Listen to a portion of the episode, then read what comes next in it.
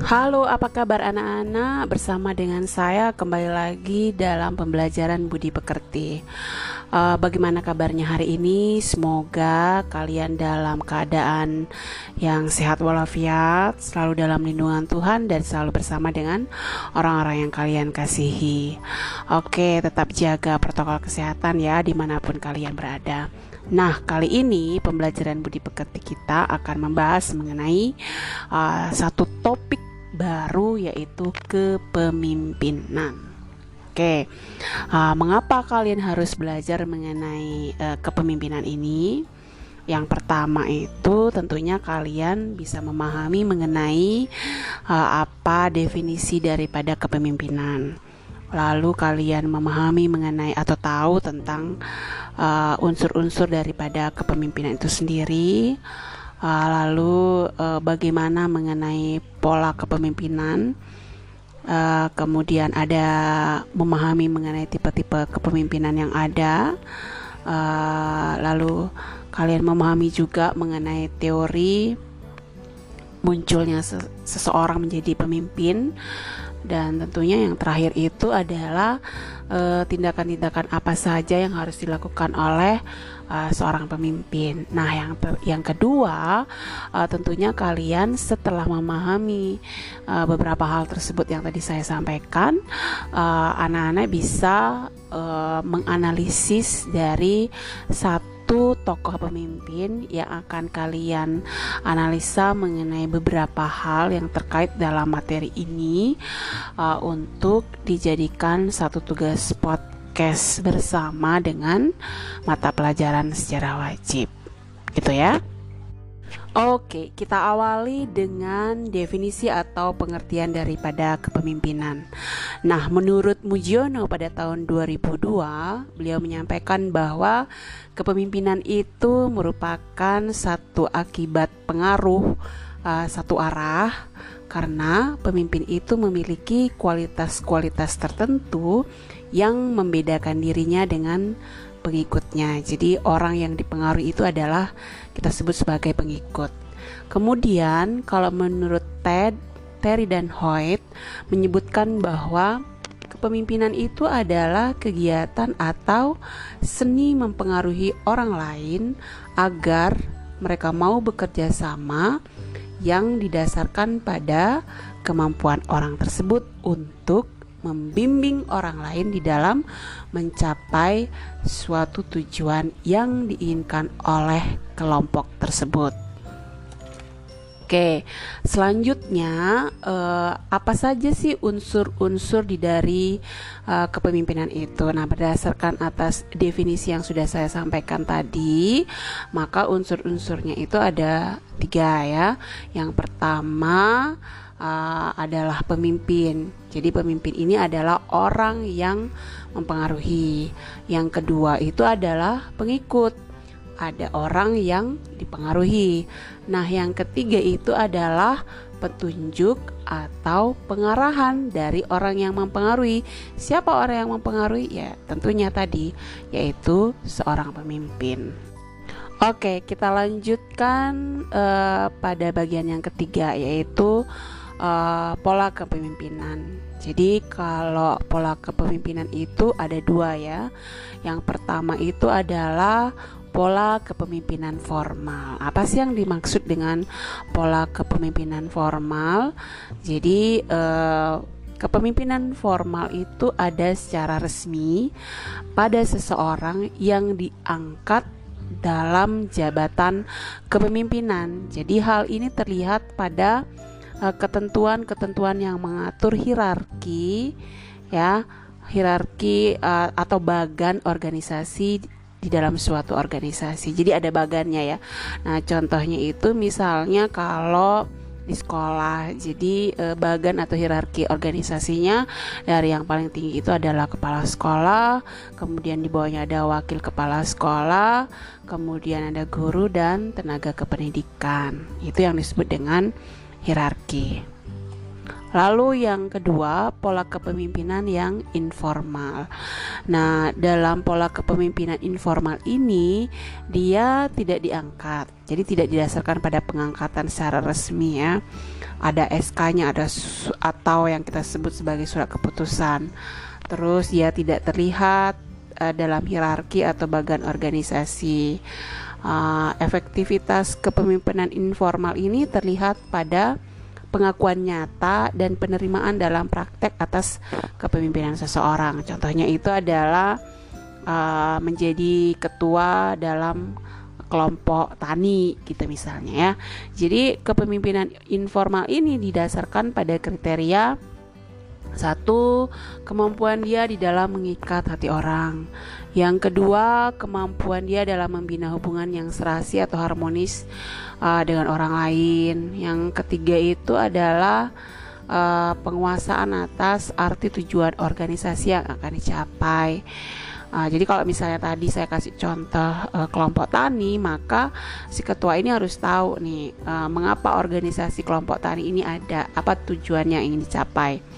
Nah, yang keempat itu adalah penguasaan tentang implikasi-implikasi atau akibat-akibat uh, dari pencapaian tujuan dalam kegiatan uh, operasionalnya. Nah, yang kelima, uh, pemikiran atas keahlian tertentu yang tidak dimiliki oleh orang lain. Jadi, orang-orang yang dipilih menjadi seorang pemimpin di dalam uh, baik itu di dalam kepemimpinan yang formal maupun informal itu ya tentunya mereka memiliki satu uh, keahlian tertentu yang tidak dimiliki oleh orang lain. Oke, baik anak-anak, kita akan lanjutkan ke bagian yang keempat, yaitu mengenai uh, tipe-tipe kepemimpinan yang ada ya.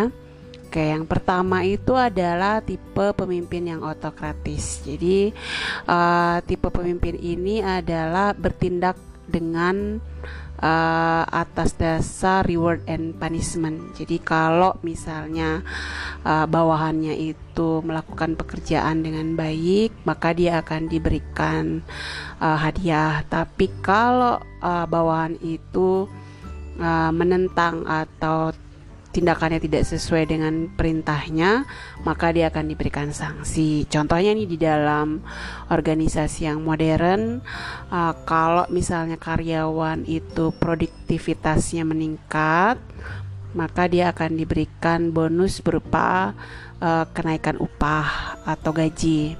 Kemudian kalau misalnya uh, produktivitas menurun atau kualitas barang ataupun jasa yang dihasilkan itu jelek, maka hmm, akan dipotong upahnya gitu ya.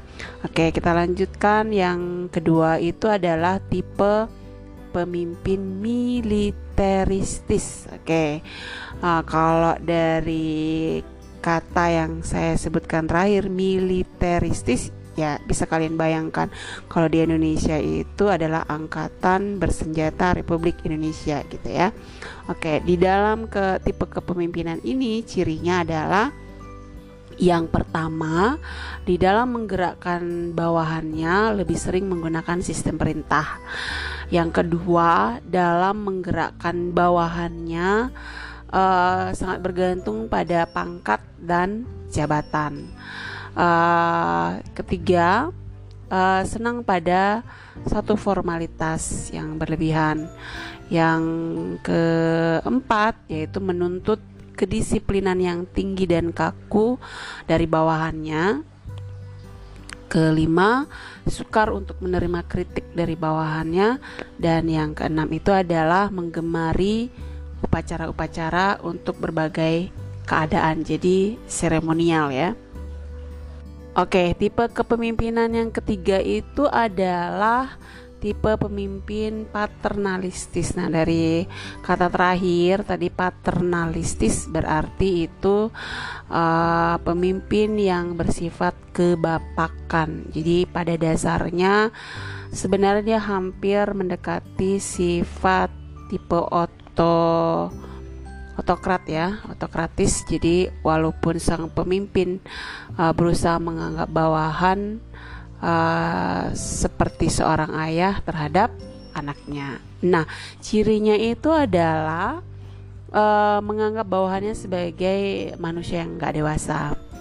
Kedua, uh, bersifat selalu melindungi, jadi overly protective. Tiga, jarang memberi kesempatan pada bawahan untuk mengambil sebuah keputusan. Yang keempat, jarang memberi kesempatan pada bawahannya untuk mengambil inisiatif. Kelima, jarang memberi kesempatan pada bawahannya untuk mengembangkan daya kreasi dan fantasi. Jadi inovasi, kemudian kreativitas itu uh, sangat dibatasi.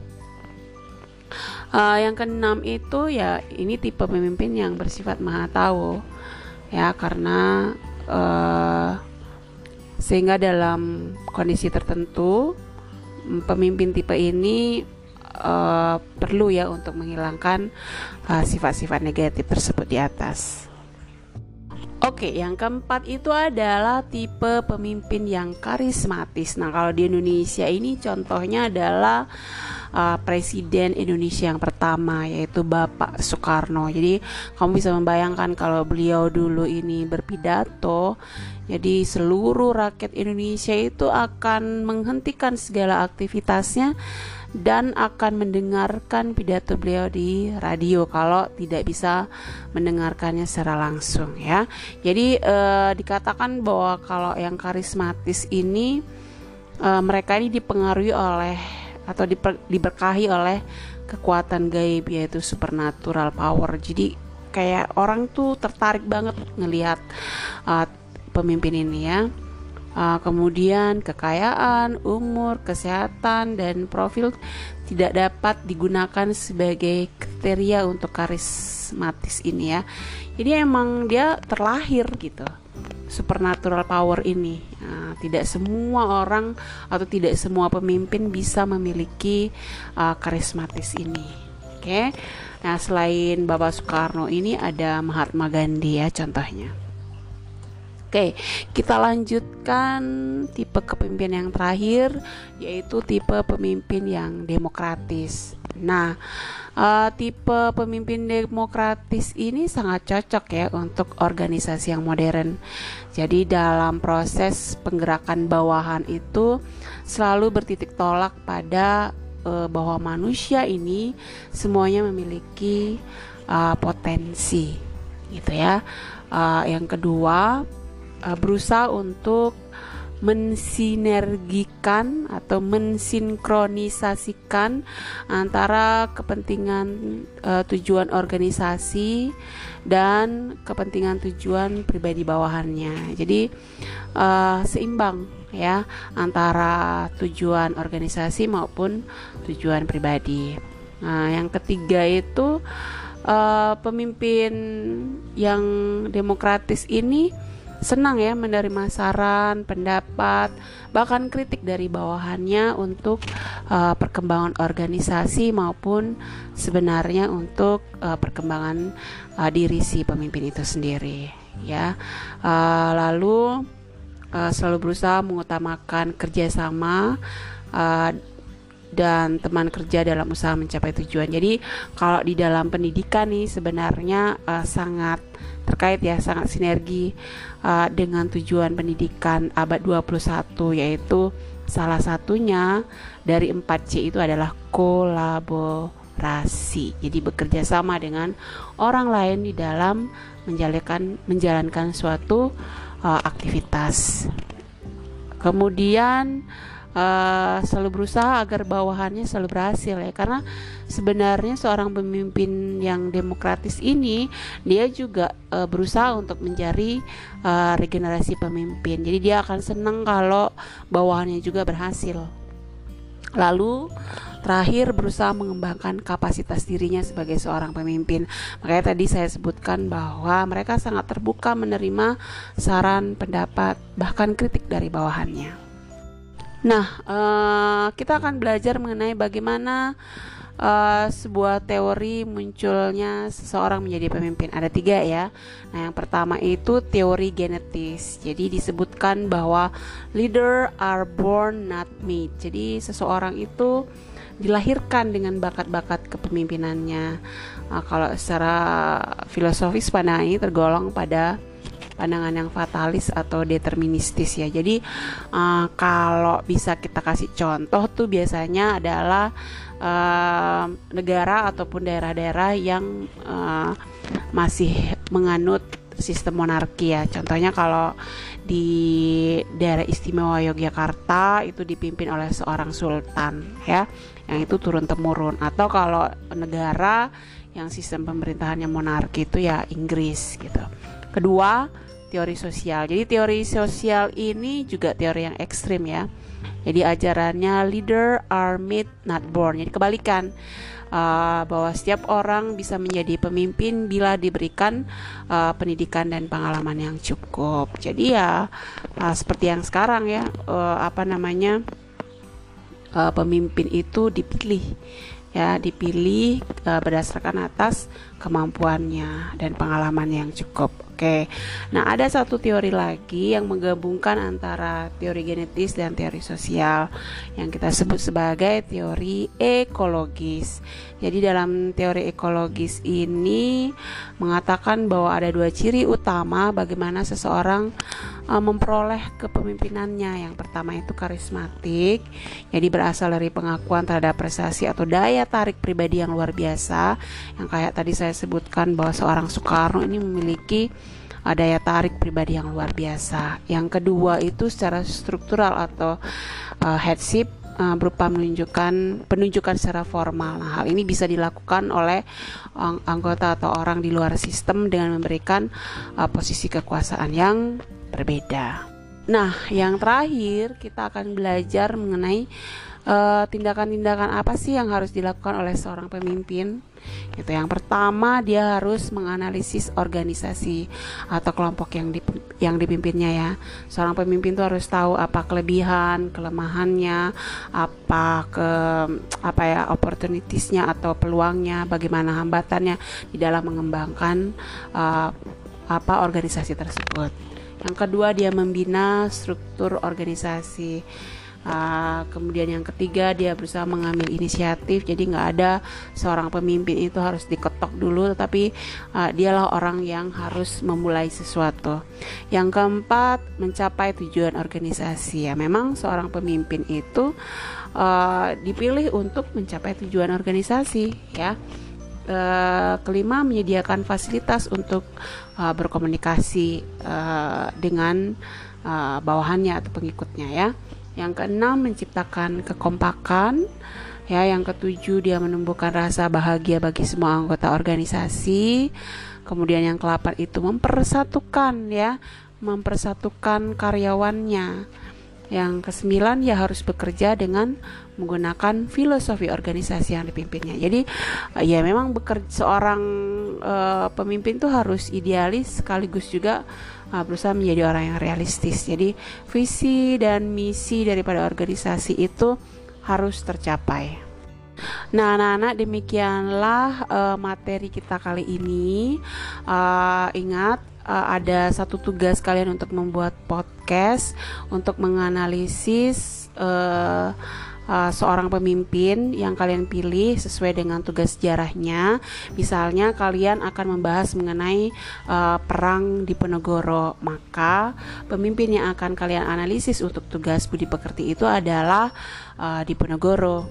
Ada tiga hal ya uh, yang harus kalian analisis. Yang pertama uh, tipe kepemimpinan dari pemimpin yang kalian uh, akan analisis analisis. Contohnya misalnya kayak tadi di Ponorogo maka uh, di Ponorogo ini termasuk tipe pemimpin yang seperti apa? Apakah dia demokratis? Apakah dia karismatik? Dan lain sebagainya. Lalu dianalisa mengapa uh, sampai kalian sebutkan dia memiliki tipe kepemimpinan seperti itu. Lalu yang kedua, uh, teori munculnya seorang menjadi pemimpin. Nah, berdasarkan teori pemimpin yang ada di Ponorogo ini uh, bisa menjadi seorang pemimpin karena uh, faktor apa? Ya, apakah teori genetis, apakah sosial atau ekologis ya. Kemudian yang terakhir bahwa tindakan-tindakan uh, apa yang dilakukan oleh Diponegoro sehingga kalian bisa mengkategorikan dia sebagai seorang pemimpin gitu ya. Oke. Uh, sudah jelas semuanya ya. Jika ada hal yang ingin kalian tanyakan, bisa kalian tanyakan melalui WhatsApp pribadi langsung kepada misnya. Uh, terima kasih banyak uh, kalian sudah menyimak materi yang disampaikan. Uh, semoga kalian selalu dalam kondisi yang sehat dan kita bertemu lagi dalam kesempatan uh, lain kali. Terima kasih semuanya. Bye.